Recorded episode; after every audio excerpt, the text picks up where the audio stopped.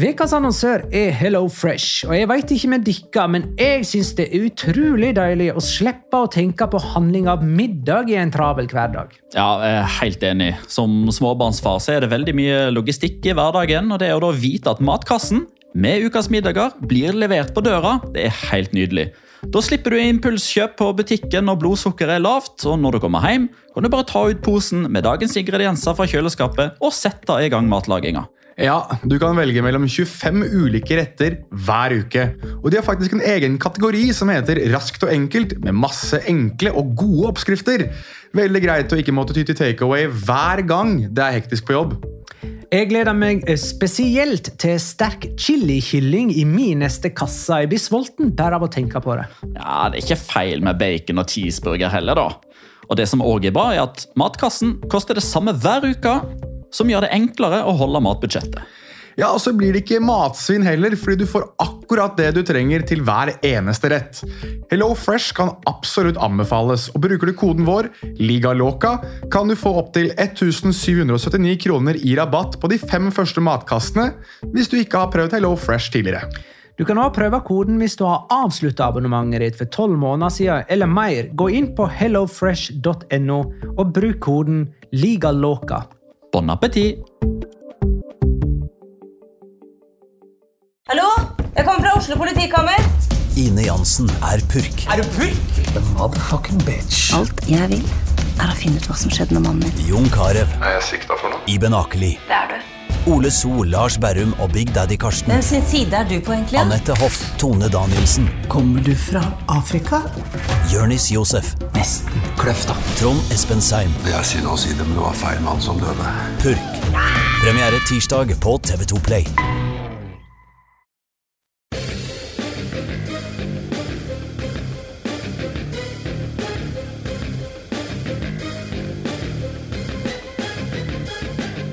Har du sett? Real Madrid og Barcelona sleit seg til tre poeng, mens Sevilla er tabelljumbo og La Real er uten seier.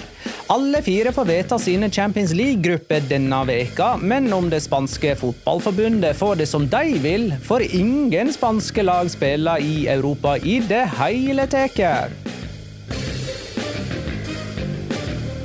La liga loca.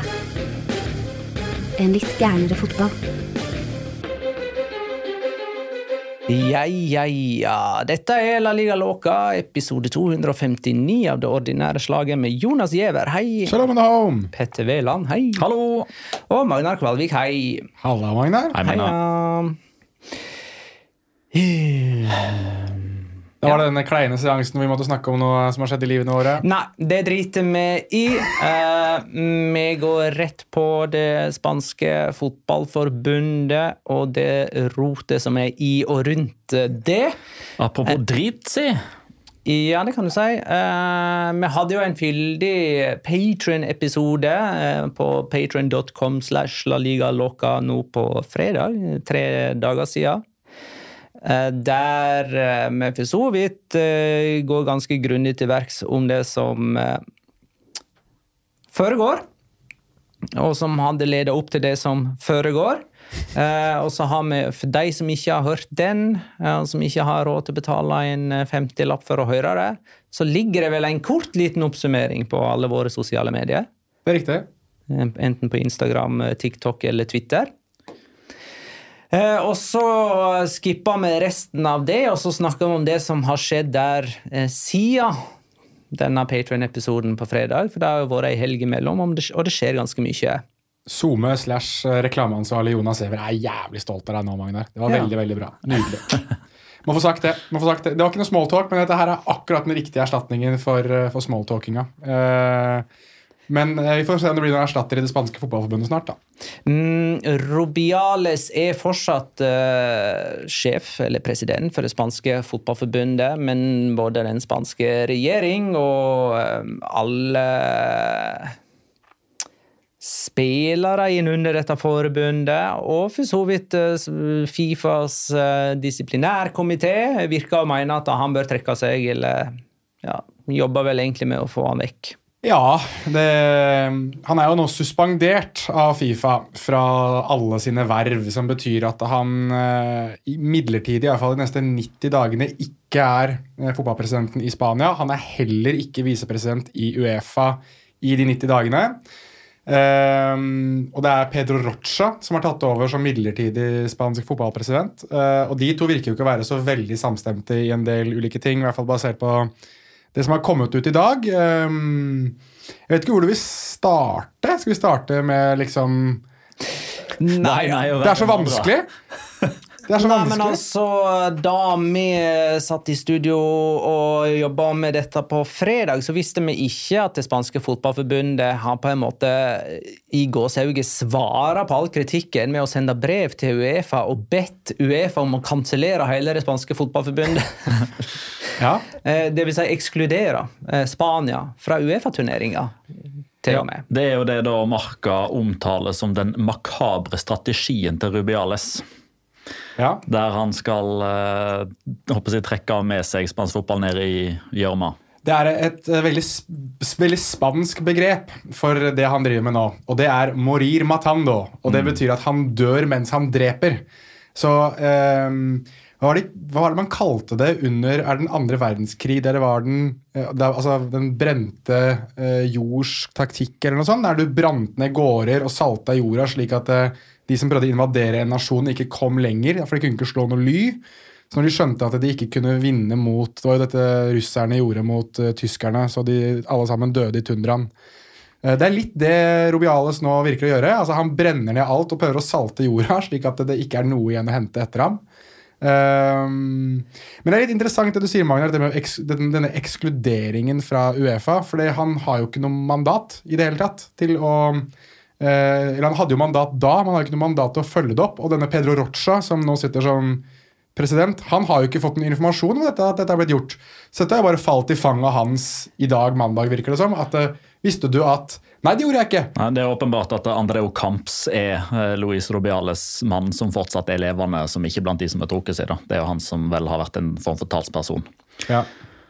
Men ifølge Jeg lurer på om det var AS eller AS at uh, Seferin mottok dette brevet, eller hans folk da, i Uefa, Uh, men ignorerte det. det. Det var liksom ikke til å ta på alvor, eller i alle fall ikke å, å liksom agere etter. liksom. Det, det blir ja, det, det blir litt sånn som når ulike eh, regioner i ulike nasjoner plutselig skal velge sin egen eh, president og så få internasjonal anerkjennelse, og så stå, driver verdenssamfunnet bare og ser på hverandre. og liksom, i alle dager er det som foregår der? Ja, Det er jo litt, det som virker å ha skjedd, er jo at eh, myndighetene har jo meldt om at eh, de nå undersøker og prøver å finne ut hva det er som egentlig har foregått i dette. og Jeg leste i Relevo at det virker å ha vært eh, Rubiale sin taktikk at så fort han fikk beskjed om at han var under etterforskning av det spanske eh, rettsvesen, egentlig, eller altså det, det spanske styret, så har han sendt denne mailen eller dette brevet til Uefa der han har sagt at eh, Oi, se på oss. Staten prøver å påvirke. Politikken prøver å gå inn i fotballen. Her må dere bare Dere må kaste oss ut. Vi kan ikke være med på det her. Eh, hvorpå staten har svart ehm, vi har mandat vi, til å bare titte litt på hvordan ting foregår. Eh, slapp helt av. Vi, vi har lov til dette. Og Uefa har egentlig bare sagt eh, Kan ikke du bare roe deg litt ned? Og så har de i dag sagt nei til uh, søknaden om å bli uh, kastet ut av alle europeiske Det er jo for øvrig da samme Luis Robiales som gjentatte ganger da har, hen, altså har um, søkt støtte hos og hjelp av CSD, som jo er jeg, Ja. kultur- og sportsdepartementet i Spania. Altså, han har bedt politikerne om hjelp i feiden mot La Liga og Javier Tebas. Så når det passer han, så går det fint. Når det ikke passer han, mm, mm, mm, mm. Ja, så hvis uh, Robialis nå har prøvd å bruke dette her som et svar til alle som ønsker hans eh, avskjed, og det ikke fungerer, hjelper det da om eh, Kan, kan mora hans gjøre noe, eller Hun prøver nå i alle fall, og nå skal jeg først være litt medmenneskelig her. og Man har jo dette uttrykket 'kun, eh, kun ei mor kan elske', altså en sånn type avslutning eller en sånn type handling. altså Alt i sin kontekst. Og dette her er vel kron, kroneksempelet, da, når mamma Rubiale skal sultestreike fordi hun mener at sønnen blir urettferdig behandla. Ja. Eh, jeg kan jo avsløre at dette her er egentlig min locora, men jeg syns det er helt greit at vi tar det nå. Eh, og det er rett og slett fordi denne, Det er jo riktig, det er jo riktig segment vi tar det i. Men vi, kan, vi kan for så vidt ta eh, søsken eller familien hans generelt, for det er jo Det var ikke det kusina hans da, som var ute og holdt pressekonferanse i dag og for å få Jenny Hermoso til å si det, eh, si det sånn det virkelig skjedde. At hun kyssa han, eller at han kyssa hun med samtykke fra hun. Mm. Og hun mener jo at uh, Jenny Hermoso har endret sin historie tre ganger. Uh, og det blir jo bevist at det eh, Nei, det har hun ikke gjort! Det er faktisk bare Hun har korrigert på den første uttalelsen der de fabrikkerte hva det var hun egentlig sa. Ehm, så det er jo liksom Det er den eneste endringen Jenny Hermoso egentlig har uh, gjort her. Det som er interessant, og jeg leste um, Er det Colin Miller på, på Twitter som har denne ekstremt lange og gode tråden der han nesten kontinuerlig oppdaterer om ting som skjer? Og han skriver at det er en spekulasjon i Spania om at Rubiales jo, og det spanske fotballforbundet har jo rett og slett fått beskjed om at de får ikke lov til å kontakte Jenny Hermoso. Så det er jo en spekulasjon nå om at dette her er noe Robiales da står bak. At det er hans familie som nå går ut og gjør disse og agerer på denne måten eh, for å da legge press på, på Jenny Ramoso, for han kan ikke gjøre det lenger. Og så er det veldig viktig å ta med at eh, dette er Spania. Uh, dette er veldig typisk Spania. Dette er noe jeg vet at jeg har lest noen versjoner av tidligere i henhold til andre saker i Spania. Uh, så vi kan ikke konkludere med at det stemmer. Men når det kommer til hvordan Louis Rubiales har tedd seg, så kjenner jeg at jeg tviler ikke så veldig på at dette her er veldig utspekulert. altså. En annen ting som jo har eh, skjedd, er jo altså apropos dette vi har snakka om å snu kappa etter vinden og saueflokkmentalitet, det er jo at Luis de la Fuente har nå gått først offentlig ut og sagt at han ikke støtter Eh, handlingene og aksjonene til Luis Rubiales etter at han satt sånn når Luis Rubiales holdt talen. Mm. og Nå viser det seg at Jolanda Diaz, som da altså jobber i CSD, som er Sports- og kulturdepartementet, hun har tatt til orde for at Jorge Vilda, helt åpenbart, men òg Luis de la Fuente bør trekke seg og bør ikke få fortsette som spansk landslagssjef. Og Det er jo òg noe vi skal legge merke til her, da, den tid Spania kommer hit i oktober. Ja, og så er det viktig, Du nevnte Luis de la Fuente, for så vidt, som applauderte, men det gjorde jo Jorge Vilda også. Og han har jo også gått ut mot Luis Rubiales. Altså den virkelige eh, jeg å si, langemann til sabeltann i, eh, i, det spanske fotballforbundet. Jorge Vilda har jo gått ut mot Rubiales og eh, ja, sagt at han ikke støtter den type oppførsel, og at han ikke mener at det representerer ham og hans verdier. Dette er jo da Jorge Villa som gang etter gang etter gang etter gang etter gang har blitt beskyttet av Rubiales. Så det er jo litt sånn man får litt sånn 'også du, min sønn Brutus'-følelsen av dette. Og så har jo elleve av Vilda sine assistenter og analysefolk og fysioterapeuter trukket seg. Og det hadde nok Jorge Vilda òg gjort, hadde det ikke vært for at han har et stående tilbud om en fireårskontrakt med en halv million euro i året. så akkurat nå så har kvinnelandslaget ingen spillere, ingen i støtteapparatet, kun en trener. Ja. Og de skal spille Nations League mot Sverige om en måned. Lykke til!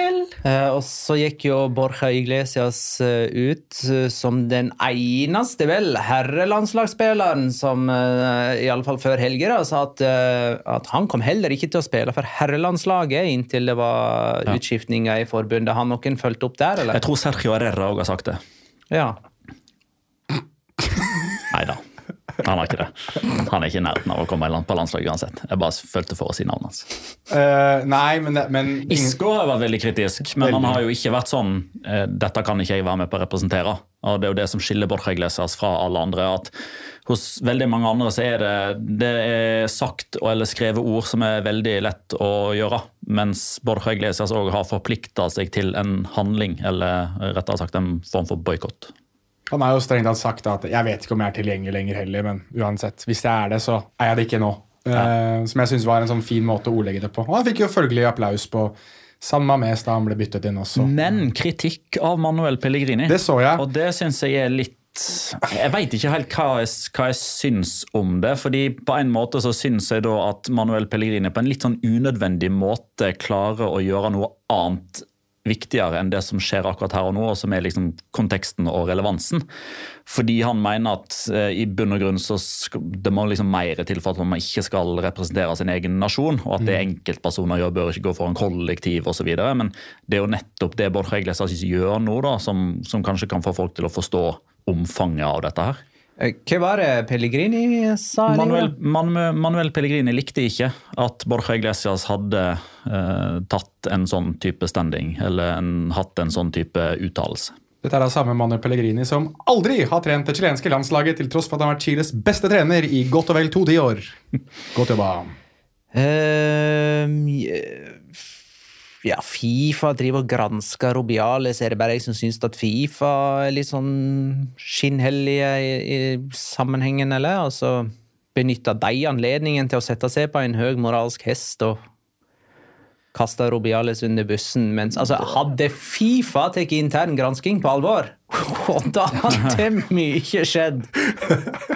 Ja, det, det er for så vidt sant, og du har et veldig godt poeng, men samtidig, når det, er, når det virker som at det kun er Fifa som liksom har verktøyene til å gjøre ting her, så synes jeg at det, det må de nesten gjøre, og så kan vi berømme dem fordi de gjør akkurat dette, samtidig som vi har dette vedhenget ved siden av at, at de har jo ikke akkurat rent, med- rent mel i posen sjøl. Ja, det, det er to ting her da som er viktig å ta med. og Det ene er jo at eh, denne saken altså Dette her har jo skjedd under et Fifa-stevne, en Fifa-turnering. Altså, Fotball-VM for kvinner er arrangert av Fifa. Så jeg tror, de, jeg tror det går litt eh, ære for dem. Den tid de kanskje ikke har så mye av det, men i hvert fall det går noe ære i dem på at det har skjedd på deres, under deres stevne.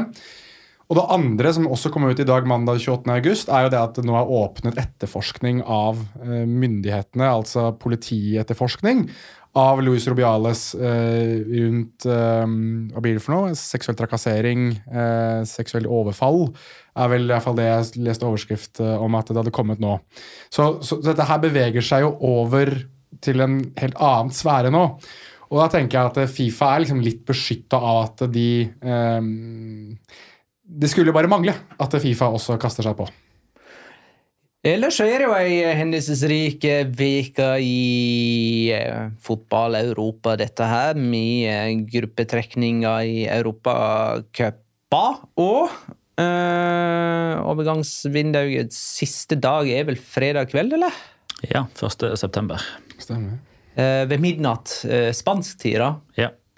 Ehm, ja, Martin André Hansen spør hva tenker Jonas om at Spanias største talent endelig får overgangen sin. Han skriver Fresneda i parentes. Får Fresneda en overgang? Ja, sporting i Lisboa. Ja, men er ikke det greit, da? Skal jo plukke opp hansken etter Pedro Porro. Det høres jo greit ut, det.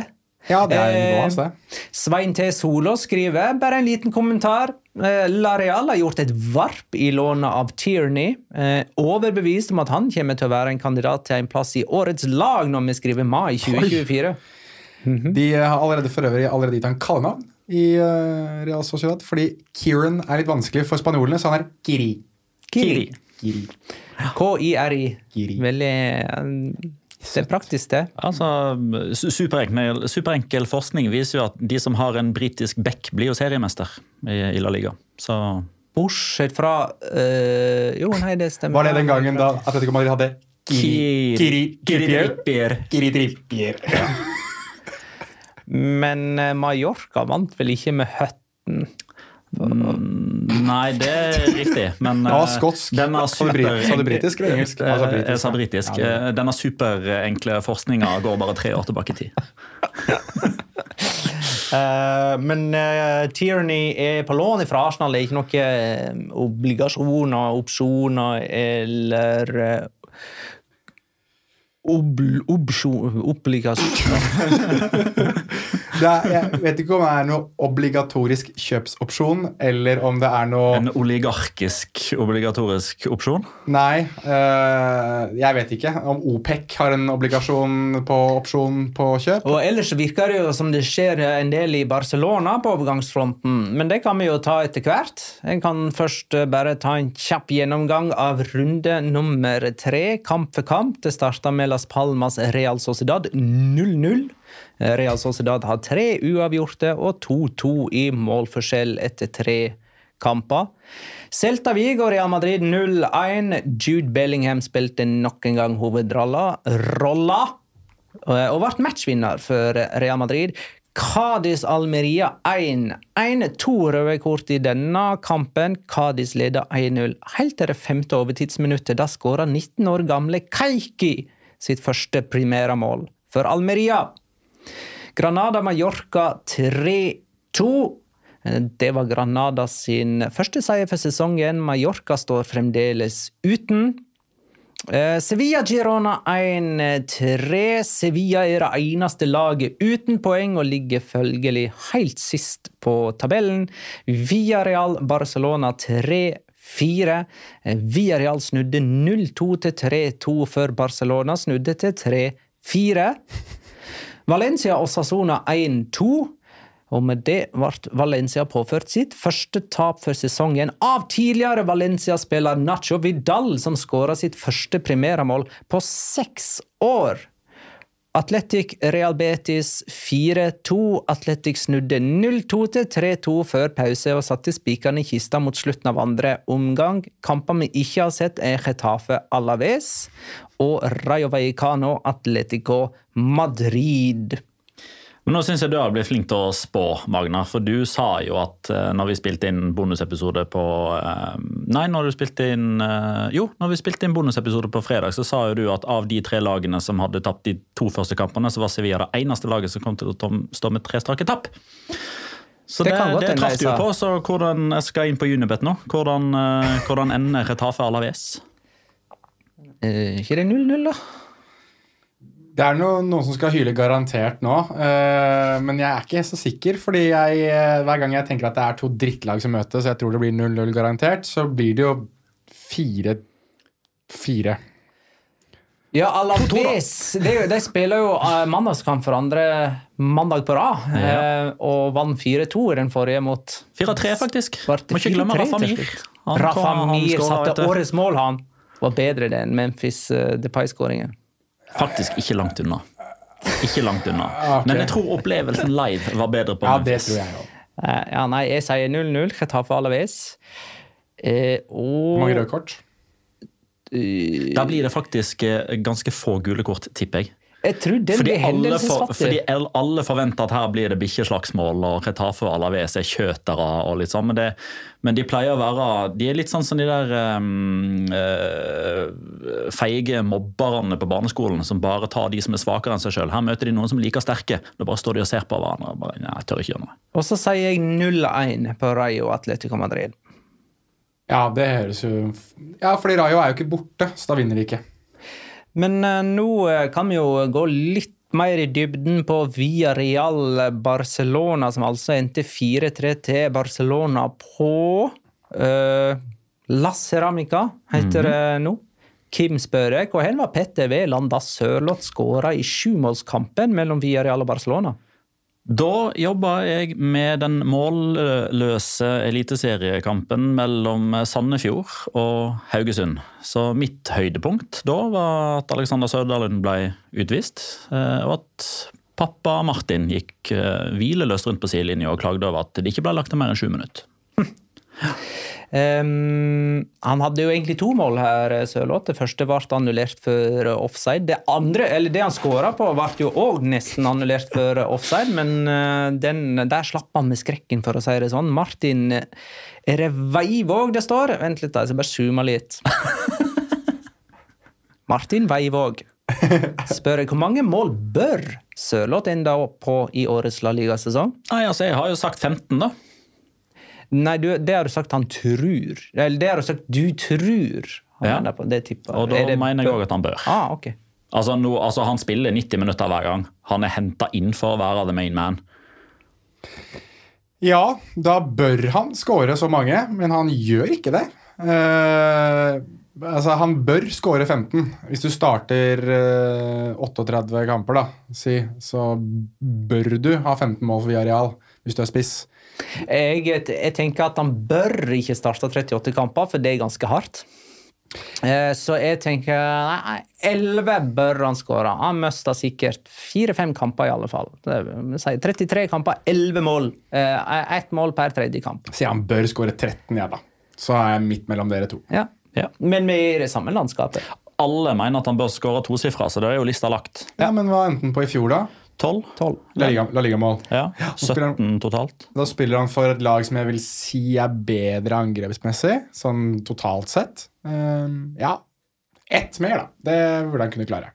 Han uh, skåra sitt første for eh, Villarreal og har 16 La Liga-mål. I august. I august. Ja, det var akkurat eh, altså, Petter spådde at det kom en norsk skåring i august. og Det var akkurat eh, på hengende håret. Grevens tid, da. Siste muligheten, det.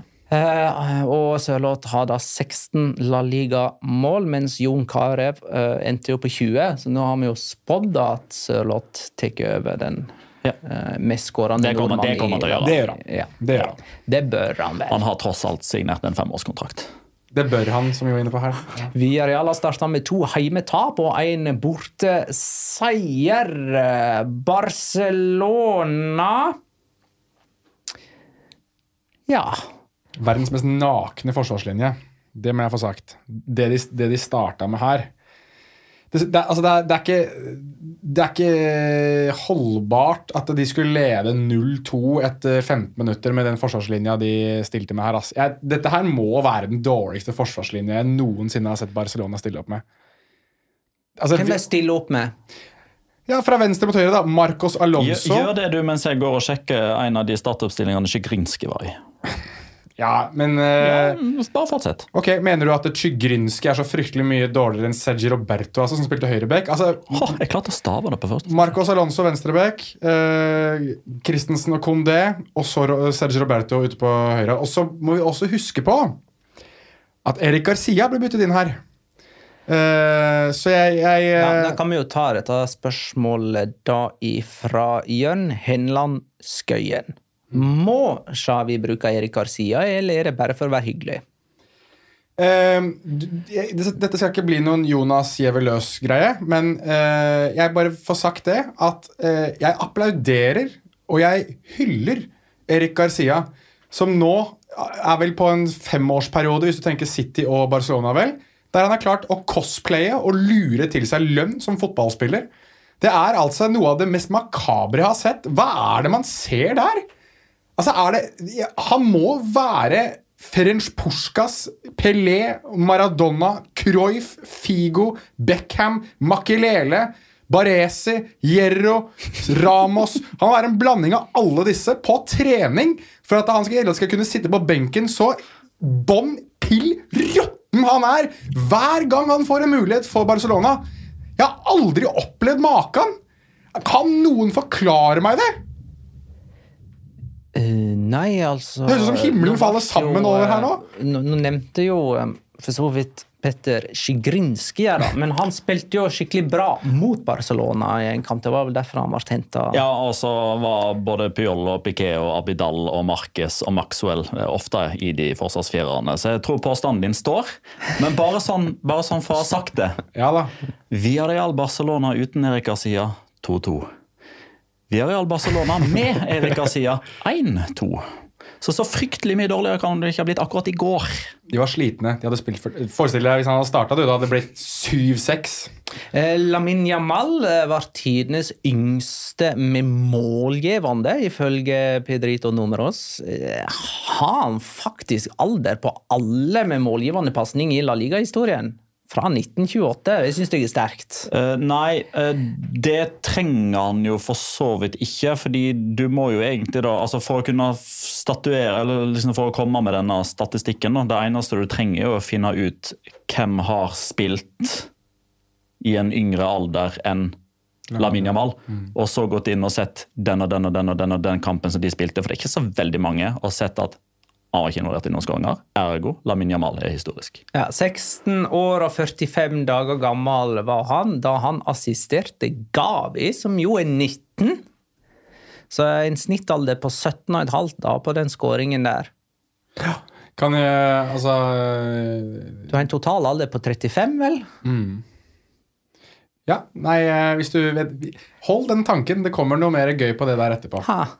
Eh, men jeg syns uansett uh, vi, Skal jeg kanskje gå til nominasjonen på rundens spiller, så har jeg tatt det unna? Ja, gjør det. Ja, jeg syns at Jamaldinho på denne kanten til Barcelona rett og slett må nomineres. Uh, og det er, er litt sånn bizarro world. altså den tid, Det har skjedd veldig mye annet weird i spansk fotball denne uka her. Så mener jeg at det er en, en 16-åring som egenhendig er et angrep for Barcelona tidvis. Um, da snakker vi om det å, å vende inn i, riktig, eh, inn i riktig rom, bestemme seg for når han skal slå pasning, når han skal gå, når han skal stå. altså Det å kunne slå ordentlig gode innlegg, det er egentlig en undervurdert bragd, og det gjør han til gangs. Han, du husker, Da jeg Petter satt og så ham på Coliseum Afonso Perez, så var det en av de tingene som imponerte meg.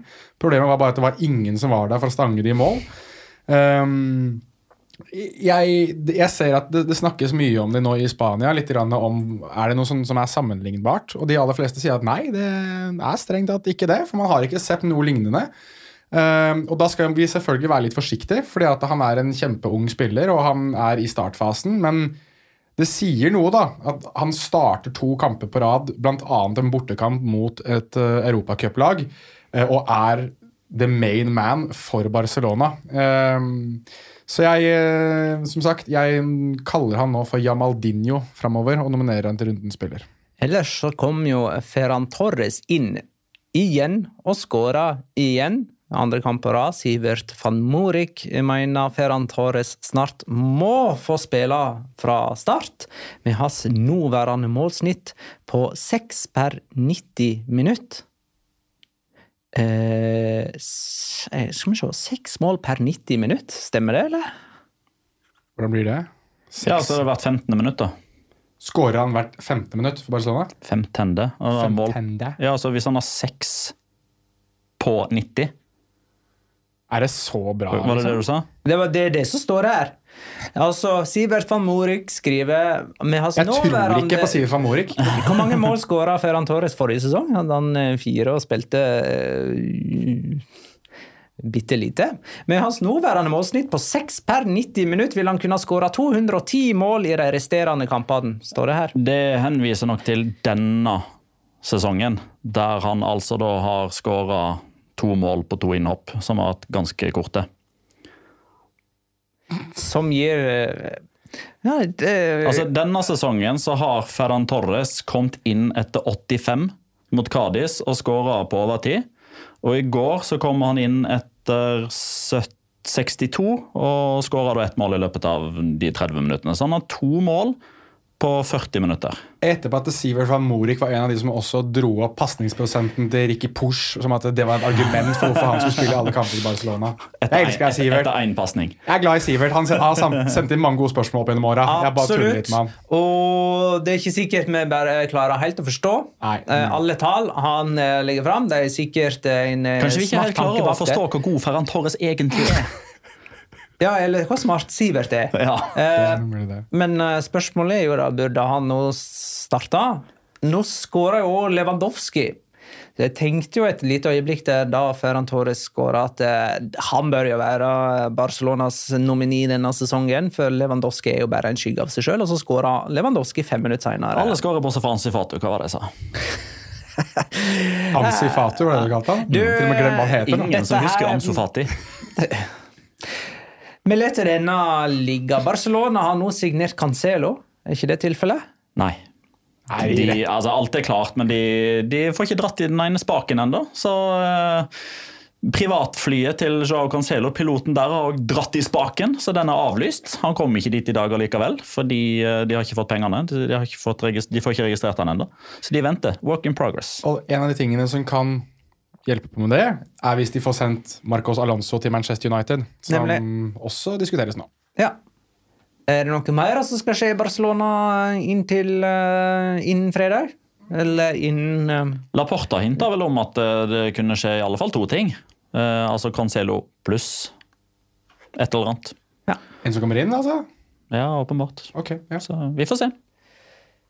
Celta Vigo Real Madrid endte altså 0-1 på Balaidos. Real Madrid og Florentino Perez og Carlo Angelotti sa jo for uh, god tid tilbake at uh, der var alle dører stengt. Uh, ingen ut, ingen inn.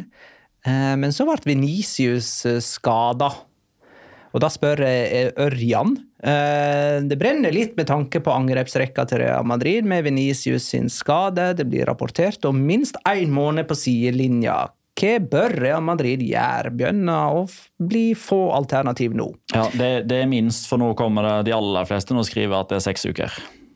Ja, ikke sant? Mm. Eh, og så kan jo jeg bare minne om at eh, da Venicius ble skada, så kom Joselo inn og hadde målgivende til Bellingham. Mariano Diaz er fortsatt uten kontrakt. Så de kan jo bare hente han tilbake igjen. da. Kan de ikke bare sette inn på Marco Nei, glem det. Det har jo Brahim Diaz, har ikke det? Eller har de sendt han ut uh, Nei, da, under radaren? Han, han er der. En som, er, en som har fullstendig forsvunnet fra min radar, er jo han Alvaro Rodriguez, hva han heter, han som plutselig kom inn med drakt nummer 39 i El Derby og skulle være ny store. Altså, hva, hva skjedde med han? Den, den spanske Haaland? Ja, jo, jo, men hva skjedde med han? Han ble kalt den spanske Haaland. Vi har ikke hørt noe fra han siden. Nei? Ja, Det var dødsdommen, det. det var, vent, ja. vent, vent, bare, vent bare, bare vent til vi kommer til Sevilla, Sevilla Girona, du. Ja, Vi er inne på Haaland profeterer og ødelegger ødelegge for alltid. Ja. ja. ok. Ja. Jo, men eh, da, Vi venter med det, og så fortsetter vi nå med Real Madrid. Eh, skal de foreta seg noe? Nei, absolutt ingenting som tyder på det. Nei. Med mindre det har skjedd noe nå den siste halve timen.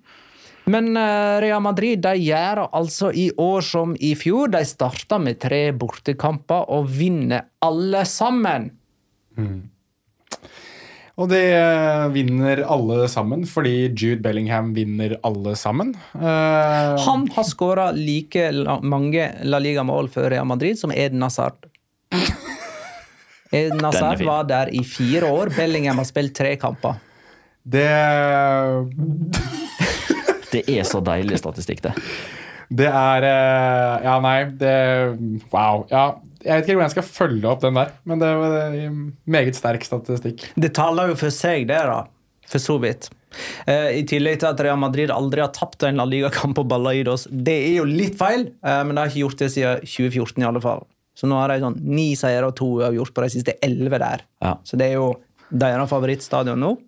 Altså jeg synes mot, mot Atletic så var det en fortjent seier, for da eliminerte de all risiko. De, da fikk ikke Williams-brødrene rom å springe i osv. Og, og, og mot Almeria så var det jo altså det var en sånn fram og tilbake-kamp, men de hadde likevel ganske god, god kontroll. Men, men, den kampen her syns jeg de har litt sånn marginer som gjør at de til slutt vinner. altså. Det, det syns jeg skal med. Skal vi ta med da dette spørsmålet fra David S.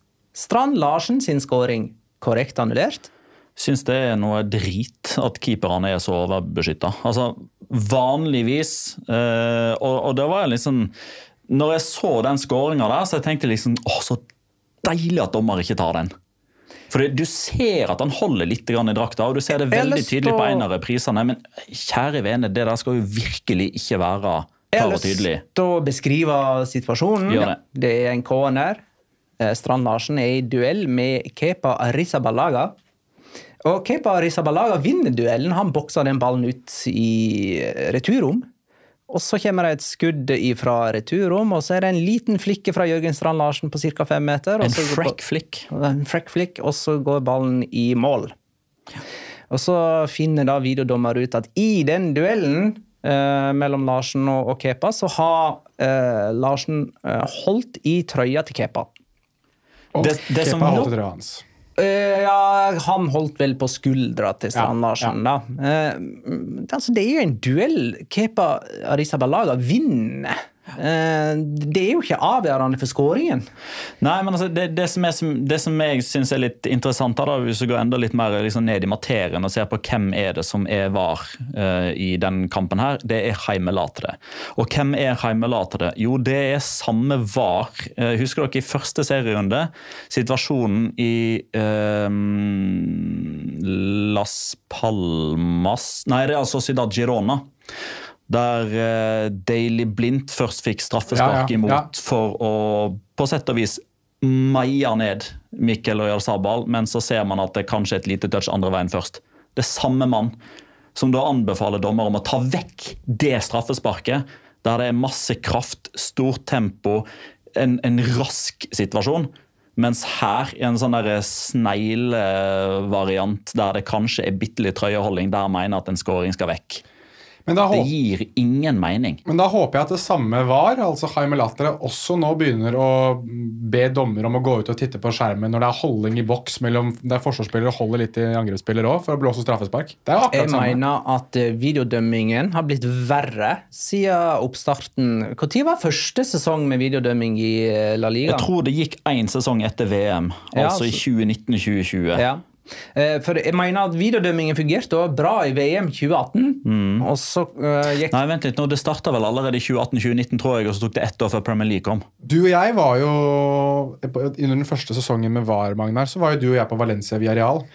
Det det- kan ha vært i 2019, januar 2019. Tror det var januar 2019. fordi det hus Da husker jeg at du og jeg vi drev og hang der vi satt. Så hang vi for å se på skjermene som var oppi de store boksene. For å se på situasjonen om igjen. Og den sesongen syns jeg videodømmingen fungerte skikkelig bra.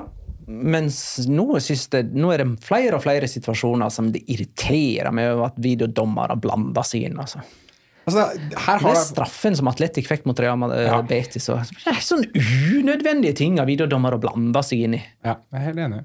Jeg er Kjemperart. Veldig typisk. Men en, en du kan, eh, for å ha sagt det, du, det, alt dette her, og hvordan det er å bli videodømt vekk skåringer, de kan jo stille spørsmål til Jørgen Strand Larsen om selv. Vi skal jo prate med han nå litt senere i uka. Så da Ja, vi Er har det en avtale med han med. Vi har en avtale med Jørgen Strand Larsen som at vi skal prate med han om eh, ja, løst og fast, holdt jeg på å si, om hvordan det er livet i Selta. Og det passer jo da veldig fint at uh, han kommer fra en eh, polemisk situasjon i uh, den kampen her. Og så spør Alexander det er, Nå leser jeg det bare sånn som det står det navnet. Alexander. Ja. Eh, hvor mange mål enda Jorge pleier på i 23-24-sesongen? Tør dykkes på tosifra. Så nå eh, skal vi se hvor gode venner vi er med han. Eh, Ni. Ni. Bør ikke han høre eh, holdt på å si, sesongoppsummerings- eller sesongoppkjøringsepisoden vår? For der hadde vi vel det? Hadde vi ikke det? Ah, hadde vi det samme spørsmålet da? Jeg Ganske føler sikkert. vi får dette spørsmålet ofte, og så glemmer jeg om jeg har svaret på det. eller- Jeg, jeg hadde tosifra på Jeg husker ikke hva jeg svarte, så jeg sier ni nå. Jeg husker ikke hva jeg svarer. Nei, sier. Dette kan vi spørre Jørgen om på onsdag. Hvor mange mål tror du at Jørgen Strand Larsen skårer i La Liga Ja, det er et godt spørsmål å stille han. Hvis noen av lytterne har spørsmål, for øvrig, så bare gi det til oss på en eller annen SoMe-stasjon. Ja, nå har du flere. Eh, Twitter, Instagram, de som er i Discord, vil nok eh, bli prioritert eh, for de som er der. Så der er det kanskje greit å komme seg på patreon.com. slash. Real Madrid bomma på straffer i denne kampen. Angelotti er fly forbanna over at eh, Rodrigo tok den. Eh, og eh, jeg har ikke helt liksom skjønt greia der. Men altså, han skal visstnok ikke ha klart å gi beskjed i tide om at det var Luka Modric som skulle ta straffen. Altså, Hvor vanskelig kan det være? Balagidos er ikke så stort, er det det? Nei. Han har ikke så langt navn han Luka Modric heller at han rakk liksom ikke bli ferdig før tilløpet var brent. liksom. Men dette her, eh, for øvrig eh, Veldig sjelden du ser Carlo Angelotti være skikkelig sint. Ja, Det var han mange ganger. Sånn ordentlig og sånn der! Og Han sto liksom og holdt på på sidelinja der og liksom hylte og skreik og opp med disse her italienske gestikuleringene sine. Og, altså, han, du kunne til og med se at han hadde kjeften åpen, og du så at det var sånn gigantisk tyggiskladd inni kjeften hans. og sånn. Han var så forbanna. Ivan Villar redda altså det straffespark eh, fra Rodrigo. Jeg syns uh, Celta Vigo-keeper Villar har vært skikkelig god disse tre kampene, faktisk. Eh, Kanskje vi har undervurdert han. Jeg lurer på det, men likevel altså, så står Celta Vigo med bare ett poeng på tre kamper. Og Real Madrid har bomma på straffe de siste tre gangene de har vært på Balaidos. Altså, det er jo sterkt. Bare det å få tre straffespark på rad på De fikk jo tre straffespark i en og samme kamp her. To sesonger siden, tror jeg det var. Fikk jo Benzema tatt tre straffer. Men det å bomme på alle de tre Det er er, jo sensasjonelt. Ja. Det var, eh, var det ikke Diego Alves for øvrig, som var to dager eller noe sånt nå på Balaido, som tydeligvis blitt eh, hjulpet eh, Ivan Viar ordentlig med å bli straffekeeper. Hvor lenge var han der? Sånn seriøst? En Nei, uke? altså, det to var, uker? nei, det var nok lenger enn det, men han ble skada veldig kort inn i, i oppholdet. Og så var det vel en sånn nobel gest fra Diego Alve som gjorde at han valgte å si fra seg plass og lønn for at Celta Vigo skulle kunne hente inn andre. Hva het han igjen, han som var, Han som var argentineren. Agustin Marchesin. Marchesin han, han er da for øvrig fortsatt nettopp tilbake etter en, en lang skade, han òg. Men uh, Celta Vigo har jo vært ute på markedet nå og henta en uh, gresk målskårer som har gode tall i Eredivise. Uh, da kan det jo bli bra, og det, da blir det som oftest dårlig, uansett hvor de beveger seg. Alle skårer mål i Nederland. Har vi snakka om at Gabri Veiga reiste til Saudi-Arabia? Nei, det vil jeg ikke snakke om. Nei, vet du hva? Igjen, dette skal ikke bli en Jonas Giæver løs-spalte. Men Men, Magnar. Jo, det Nei, men det Hvor gammel var han 21. Var og det er en game changer. ja, han var 21 da han uh, avgikk med fotballdøden. Nei, men altså, jeg, vi, snak, vi snakket jo litt om det i tidligere. Altså, litt sånn, Hvilken trussel er det Saudi-Arabia egentlig har mot europeisk fotball? Sånne overganger som dette da mener jeg at ok, nå begynner det Da begynner jeg å kjenne at dette her er ikke helt all right lenger. altså. Men, men bare vent til Bare vent, du. Til når det europeiske overgangsmarkedet Ja, ja, er ja. stengt Oi, og ja, ja. Saudi-Arabia er åpnet. Når de bare plukker han og han og han For de har i alle fall 14 dager lenger. Ja. Det er tre uker er faktisk de har lenger. Mm. Latterlig. Den, den overgangen der til Al-Ali i eh, Saudi-Arabia, for de som lurer på hvilken klubb det er Dette er en av disse fire klubbene som er eid av staten Saudi-Arabia, bare sånn at eh, man vet det. Det Nei, jeg Hadde han gått til Napoli, surt, kjipt, teit for oss som ser på La Liga, eh, men ok, fin overgang, det. Al-Ali i Saudi-Arabia Da kjenner jeg at det er et eller annet som iboende meg som blir litt sånn små arg, ja. Vi må snakke litt om at Sevilla tapte hjemme på Ramón Sánchez Pijuan mot Girona med 2-1. Der er det verdt å nevne at Girona er på andreplass, i alle fall før Rayo Vallecano har spilt. Eh, Det er deres beste sesong i Primera divisjon. altså, de har hatt eh, Dette er vel deres fjerde sesong i Primera divisjon, og de har aldri hatt sju poeng etter fire serierunder. Jeg syns de ser sterke ut. Jeg, altså. Ja, er nå, er, nå er ikke det sånn a fluke lenger. Nå er ikke det bare sånn oh, hashtag always watch Girona. Nå er, det, nå er de gode, liksom. Det er gjennomført, solid, bra. Ja, jeg er veldig enig med deg i det. Og jeg la meg bergta litt av Mitchell også, som da ikke er samme Mitchell som vi hylte om at skulle få sparken i Malaga. Men det var en sånn eh, du, Vi får se litt av disse her vannpausene, og litt av hvordan han dirigerer og holder på. Og jeg syns liksom måten han prøver å formidle meldingene sine, og hvordan han egentlig på veldig taktisk, men veldig klar måte prøver å forklare for spillerne sine de tingene han ønsker, og det at de rett og slett bare skal altså, Vær så snill, gutta. Ta to touch. Altså, La oss faktisk holde litt på ballen her nå. Ha litt karakter. Tør å spille litt fotball. Det er sånn Nei, det, Da skjønner jeg hvorfor man blir litt inspirert og vil spille for den treneren her. da. Så jeg, jeg la meg virkelig imponere av ham. Og selvfølgelig av Girona, som spiller god fotball. Det er første gang noensinne at Sevilla starta en sesong med tre tap. Dette er altså regjerende europaligamester. Eh, og de skal spille Champions League eh, denne sesongen. De har flest baklengsmål av alle, med åtte på tre kamper. De slapp jo inn fire mål mot Alaves. Roar med skarre R lurer på hvor lang tid det tar før Nyland slipper inn sitt første La Liga-mål. Det var jo òg en formulering. Det, Det var, en, egentlig- en, det var en liten undertone der. Men altså, det, eh, uansett hvem som står i mål, så blir det jo baklengs eh, med det forsvaret. Og i Ja. hele tatt den måten de forsvarer seg på, eh, det laget. Veldig bra at du sier det forsvaret, for vi var inne på det dårligste Barcelona-forsvaret noensinne. Altså Det, det, det Sevilla-forsvaret her, det kan, det kan ikke være veldig mange varianter som er bedre enn det her. altså. I hvert fall ikke siden de var en sånn forholdsvis toppklubb. Men hvem ryker først denne sesongen av Rafa Benitez i Celta Vigo og Mendelibar i Sevilla? Altså, eh, Altså, Av de to så tror jeg kanskje at det er Mendelibar, men det er jo, er jo fordi jeg vel i eh, sesongpreviewen sa at jeg trodde Benitez ikke kom til å få sparken denne sesongen. ja, fordi at det koster for mye å sparke han. Ja, Litt derfor òg, ja. men, men er ikke det her en veldig sånn typisk situasjon? Jeg vet at Magnus eh, Bernstrøm skrev det i discorden vår. Men er ikke det sånn veldig typisk?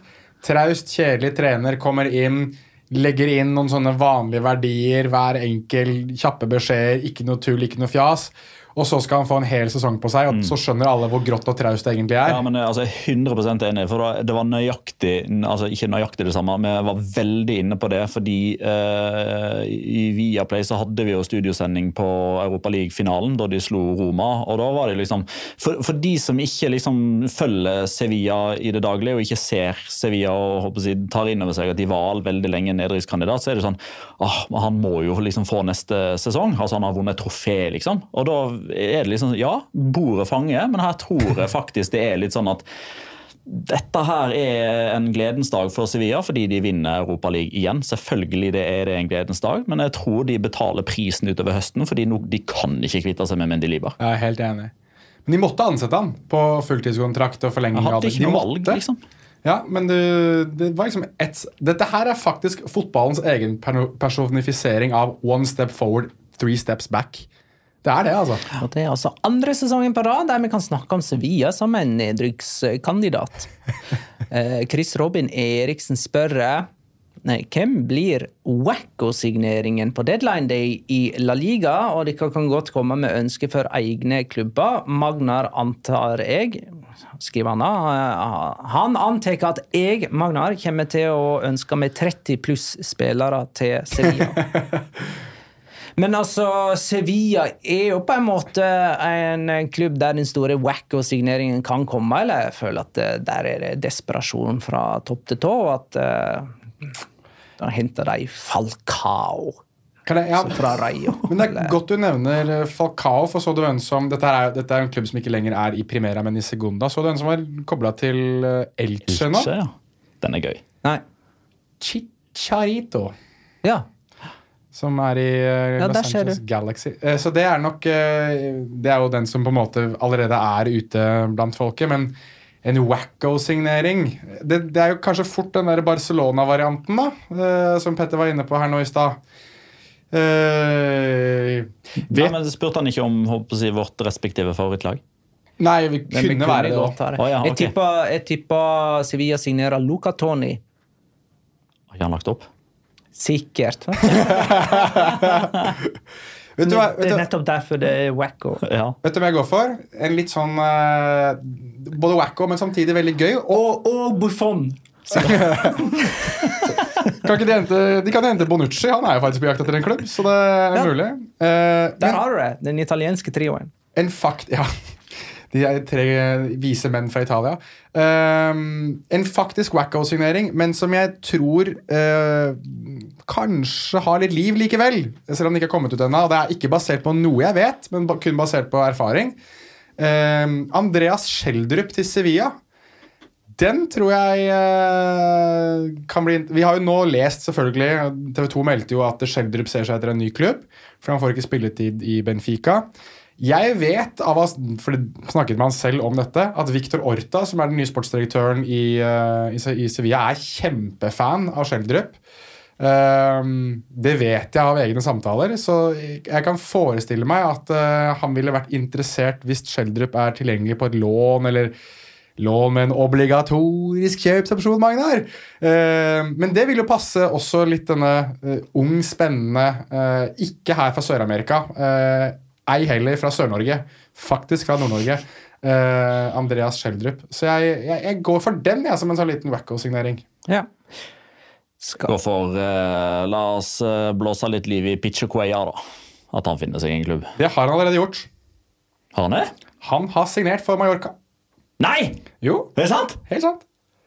Søk det opp. Jeg vet at du skal inn på P Han har helt, helt seriøst i Engelen uh, Ivan er uh, I Mallorca. Oi, oi, oi. Han har signert for Mallorca. Um, Valencia og Sassona endte 1-2 på Mestalla, så der uh, kom altså Valencia-tapet. Der deres første for Aha, ja. sesongen. Så nå angrer vi ikke på det tappeltipset lenger. Det blir nedrykk på Valencia, det kan vi bare slå fast. Også Sona prøver jo å kvalifisere seg til konferanseligaen, men tapte 2-1 hjemme for Klubb Brygge i første oppgjør, og Mads Olsen lurer på hvordan vi vurderer deres sjanser til å eh, ta seg videre. Ja, altså eh, Ja, jeg vurderer de som ganske små, da, den Ja. tid de skal spille borte mot uh, Klubb Brygge. Men jeg vet ikke om du skal inn på selve matchen her, Ja. Nei, du kan godt eh, gå inn på uh, selve kampen. Altså, først og fremst um, Det er jo Ronny Deila som er trener i Klubb Brygge nå, sant? Det er det. Med Hugo Vetlesen og Antonio Nosa på banen. Så eh, Ja, nei, da da begynte jeg å få litt rød igjen på oss. Eh, jeg må jo si at jeg syns det hadde vært dritgøy med Osasona i, i Conference League. Um, men i den kampen her så tenker jeg at uh, først og fremst så syns jeg Osasona er bedre enn Valencia i 55 minutter av eh, den kampen her. Og så er Valencia litt sånn at de får litt ræva i gir og får en utligninga si. Men jeg skjønner Valencia-supportere som er veldig veldig bitre på at de slipper inn den siste på overtid fra Nacho Vidal. Den tid Nacho Vidal veldig tydelig skulle hatt et frispark dømt mot seg like før. For han sender José Luis Gaia rett inn i de reklameskiltene. Altså. Det er farefullt spill. Og dette her er da i det siste tilleggsminuttet. Um, og der gjør dommer en kardinalfeil ved ikke blåse frispark utover, vil jeg mene. Og så kan vi godt si at eh, Valencia må kunne forsvare en corner bedre enn det de gjør uansett. Men akkurat der, den er ganske stygg, altså, for det kunne gått virkelig ille for Gaia. Um, så det mener jeg at der blir Valencia litt rana. Uh, I Atletic Real Betis så endte altså 4-2 til heimelaget, selv om Isco var varm i trøya for Real Betis. Viktor Hallnes eh, prøver igjen, som han skriver. Isco med nok en BB må vel være topp tre denne runden, tross eh, ligatap. Og det er greit, jeg kan godt nominere uh, Isco til rundens spiller. Eh, For eh, han spilte jo ganske bra, eh, og da ikke bare pga. den skåringen, hans første primærmål på to år. God både offensivt og defensivt, men eh, det holdt ikke til seier. Nå var jo òg Nico Williams ganske god igjen, da. Skaffa to straffespark. Hører du det? Det er faksmaskinen til Todd Bowley som begynner å jobbe igjen. Han er eh, altså, Nico Williams, Ja, eller? er du gæren? Er du gæren? Altså Jeg syns det er litt gøy når Nico Williams bestemmer seg for å gjøre et eller annet helt spinnvilt, og han gjør, han gjør det to ganger her, da. Um, jeg, jeg lar meg blende veldig av han. Jeg er blitt kjempestor fan av, av Nico Williams. bare sånn, og Jeg tipper at han spiller ikke i La Liga. Jeg, jeg tror nok han overlever det vinduet her, for å si det sånn. Jeg, men han er ikke der neste Men skal ikke han være en sånn her atletic-lojal Ja, jeg håper det. Jeg håper alle atletikkspillere er lojale mot eh, atletikk. Men det jeg synes er veldig spennende nå, er jo det Valverde har begynt å gjøre med å kjøre de to Williams-brødrene på hver sin kant, og faktisk ha en spiss som kan skåre mål i tillegg. Ja, hvem er det, da? Gorka Goroseta. Ja, jeg er helt enig. Gorka Goroseta skårer mål, han. Ja. Sagt det hele veien. jeg. Vært kjempefan. Ja. Enormt fan av Gorka Goroseta. Ser ut som at du får rett. Vi glemte for øvrig å disse Dovbik, som eh, du gravla ved å kalle han for den ukrainske Holland. Det, det skjedde ikke. Det skulle ikke skje. Eh, vi lar det Nei, han hadde, han hadde en kjempe-YouTube-blemme. Han skulle ha scora her, Dovbuk. Og så må Er er vi på Sevilla Girona nå? Ja, Dette fordi vi, vi, vi sa jo tidligere i episoden at når vi kom til Sevilla Girona, så skulle vi snakke om en annen som hadde vært hm, sett inn hm, Haaland. Eh, Og det var jo da Dovbik som hadde tidenes bom. Og så glemte jeg å si, og det må jeg bare si, Savinho for et varp. Ja, den er, den er Fortsatt Girona, eller? Ja, Men Ja. nå kan vi gå videre. Ja, enig der. for øvrig. Eh, Granada Mallorca. Ikke så mye vi skal ta derifra, bortsett fra en rundespillernominasjon, eller? Ja, altså, jeg valgte å ta en Locora der òg, faktisk. Ja, sånn men da kommer vi tilbake til det etterpå. Men først da Ja. rundenspiller. Ja, eh, rundenspiller for min del er Brian Saragossa, eh, eller Saragosinho, eh, får vi kalle han for da, siden vi kaller de for eh, brasilianske eh, etternavn, holdt jeg på å si. Um, jeg syns det er så deilig med unge spillere som tør å gå rett på og utfordre eh, og ha masse tempo.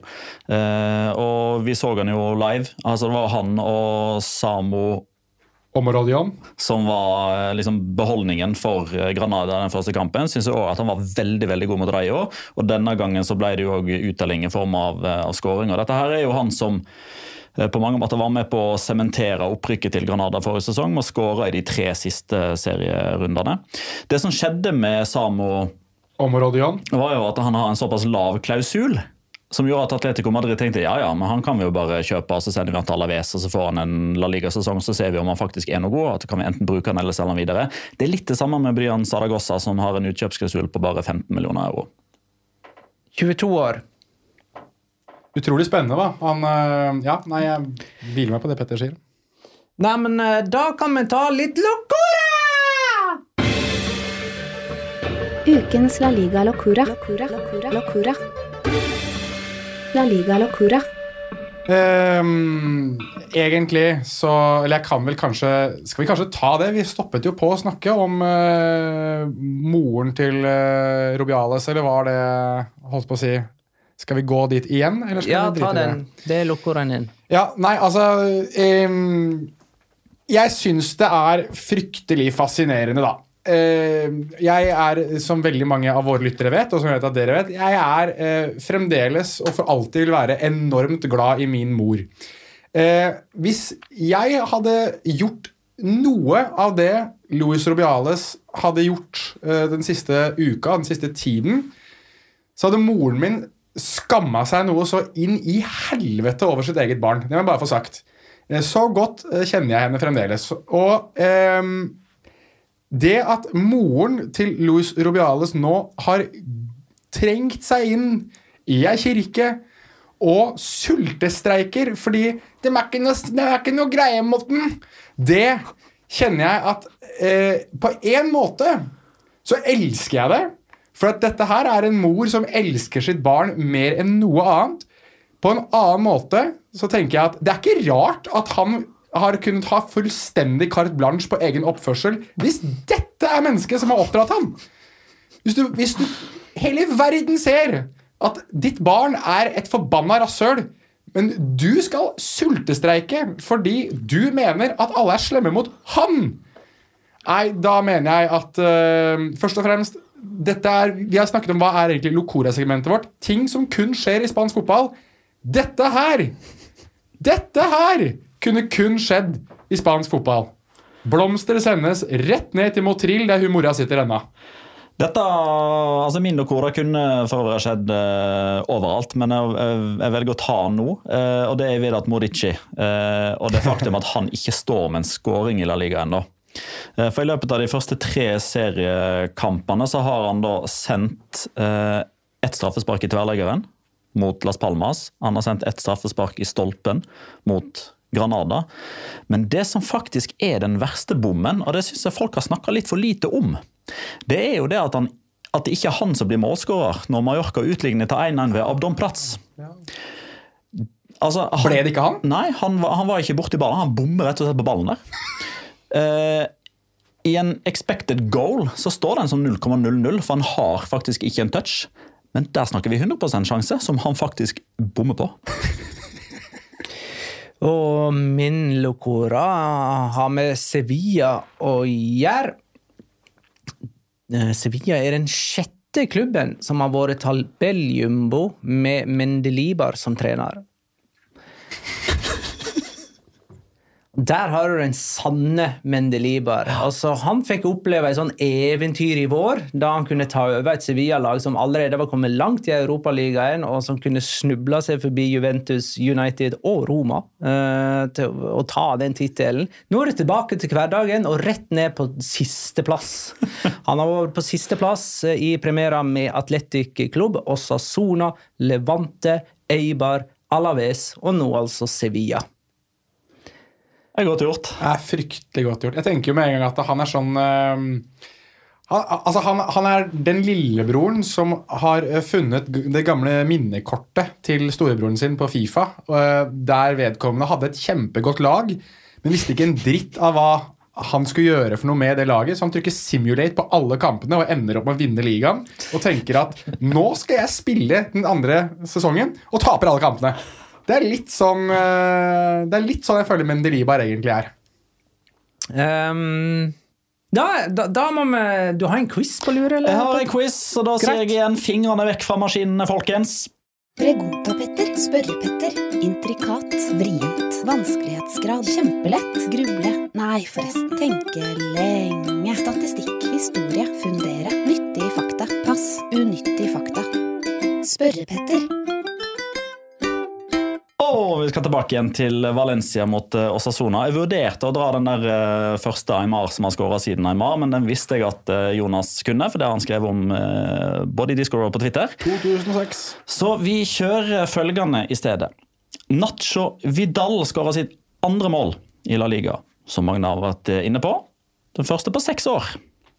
Skal tilbake til september 2017, altså i den spede starten av denne podkastens historie. og Det er derfor jeg velger akkurat dette spørsmålet her. Real Sociedad Valencia 2-3 i september 2017. Av de 22 som starta den kampen der, så er det fortsatt 10 som er aktive i La Liga. Hvor mange av de tar dere? Real Sociedad Valencia 2-3 i 2017. Og 10 er fremdeles i La Liga. 10 av de 22 som starta den kampen, er fortsatt aktive i La Liga. Da første er da, Mikkel Oresabal. Ja. Tre av de spiller fortsatt for Real Sociedad. Tre av de er fortsatt i Valencia. De fire siste er i andre klubber, og der er det åpenbart Nacho Vidal en av de. Så dere har to nå. Nacho Vidal får dere gratis. Og. Og ja, er riktig. Ehm, to til i Real Sociedad, da. Ja, ja, Gaia. José Luis Gaia er riktig. Kan Gabriel Paulista ha vært der? Gabriel Paulista er riktig. Han har vært der lenge. Jeg jeg prøver meg på Maxi Gomez. Maxi Gomez er feil. For han så jeg dukka opp på benken til Cádiz. Ja, der satt han. På dette tidspunktet så var han i Celta Vigo. ja. Uh, en til i En til som fortsatt er aktiv i Valencia. Nei, det er to til fortsatt som er i Valencia, og så er det en som er i Lareal.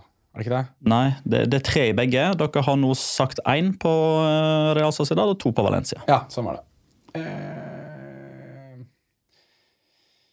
Den tredje på Valencia er en dyping. Jeg tipper William, han, han, er, han er aktiv, men ikke så aktiv. William José. Det er riktig. Han er i Real Betis nå. Han Var i Real Sociedad. Um, er En til i uh, Kan Goro Sabel være en av de? Nei, han starta ikke den kampen. Han starta ikke, han på benken, sikkert. da. Ja, han, han var nok en del av stallen. Ja. Lenormann er det ikke.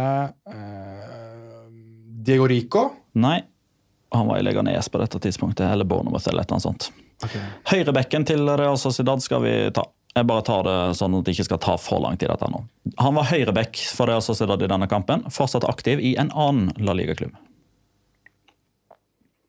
Aktiv, men ikke så veldig aktiv. De la Bella. Nei, han var venstreback. Ja, Jesus. Det er mandag. Um, Men nevnte du Goro Sabel? Han Ja, jeg gjorde det. Nei, det er ikke Ja. han. En høyre Å, det er Å! Ayen Munoz. Nei, han er venstreback. Uh, Og han er ikke i en annen klubb. Han er fortsatt i Real en djuping i, i, i, en djuping i Valencia. Ja. Er det Jaume Domenech? Det er riktig. Han starta faktisk denne kampen. Ja. Han, han, er, han er liksom spillernes Våro. Han bare er der. Han med fem. Uh, nå har dere seks, inkludert Nacho Vidal. Uh, høyrebekken til Sociedad gikk ofte tom for gress. Eller bane. Og Alvar Odriozola. Yes. Han er aktiv, Han men ikke så aktiv i Real Madrid. Det, han er faktisk den, fremdeles en av de eneste vel som har vært årets åpenbaring i La Liga Loca. Ja. det var en pris han fikk og måtte gi tilbake, for vi hadde ikke noe annet å gi han enn, eh, enn å vise han logoen vår. Så må vi ta de som fortsatt er aktive i Real Sociedad. Det er en forsvarsspiller, kan spille både stopper og høyre back. Har båret kapteinsbindet ved flere anledninger. Lustondo. Aritz Elustondo er riktig. Og så er det en som spilte midtbane på dette tidspunktet, men som nå er stopper. Altså Som spiller i en annen La Liga-klubb. da. Han er fortsatt i Real Sociedad. Han er fortsatt i La og spiller- Han spil Han var midtbane, han er omskolert til stopper. Uh, 2017 Det er ikke Robin Lenormand, det her. Nei. Nei. Det er Å, det er han som Åh, Jesus Christ. Han deler etternavn med en tidligere spansk proffsyklist som var veldig god i fjellene. Ja, får du se, Magnar. Jeg kan ikke sykkelsport. Som heter Aymar. Og han her heter Igor. Sobelia. Yes, Var han der da? han var der da. I sin spede start. Da mangler vi én, og han spilte på midtbanen til Valencia og er nå i en annen La Liga-klubb. Dani Parejo. Riktig. Ja, Vi var litt for dårlige der. Der må vi litt opp i, opp i ringa, syns jeg. Eh, jeg sånn som Sobelia tenkte jeg at det, det kan jo ikke være mulig det er for tidlig. Jeg tenkte at Lenormand kanskje hadde lurt seg inn i en, inn på et lag her, men da var det tydeligvis Sobeldia. da. Er fryktelig eh, dårlig på ting som skjedde for noen få år siden. Altså, det, det blir liksom sånn eh, Det blir eh, enten litt Altså, jeg trenger enten litt lengre perspektiv, sånn ti år siden. Da, Ja. da kan jeg mimre. Ja, Mens men det som skjedde for fem-seks år siden, det blir sånn herre Kunne det ha skjedd i dag, eller skjedde det for lenge siden? Ja. Det, er, det er mange navn her som på en måte er litt sånn Det er lenge siden-navn. Ja, jeg vet det. så er Men det mange var to er årsaker til at jeg valgte å ta dette. For det første, AMR-spørsmålet det forsvant fordi jeg visste at Jonas kom til å vite det. Og det andre var det er september 2017. Dette her er en kamp som var en av de første vi snakka om i La Liga-sammenheng. Jo, jo, helt klart. Jeg husker- Eh, bare jeg får testa min egen sånn mellomdistansehukommelse. Den er dårlig. Jeg husker jeg hadde sånn virkelig sånn ekspertanalyse på den kampen. Hvor, altså, da, da var jeg god. Altså. Jeg husker at jeg bare uh, fortalte om de taktiske duppedittene. Ja, men da um, Kan jeg spørre om en ting kjapt før du avslutter? Ja. Var Eusebio Sakristan treneren til Real Sociedad da? Det var han. Søren! Jeg husker ikke en som trente Valencia, men jeg husker Eusebio Sakristan. Kan det ha vært Marcelino, eller? Ja. Fy! Ok, vi, vi vi dime oss litt på slutten her, Magne. Veldig bra. Nei, men eh, da bare runder vi av. Husk at vi har masse snacks på patron.com slash la liga. Følg oss gjerne på Instagram, TikTok, Twitter eller X. Om du vil. Og husk intervjuet med Jørgen Stein Larsen, som kommer senere denne uka. Ja. Takk for at du lytta, kjære lytter. Ha det, da.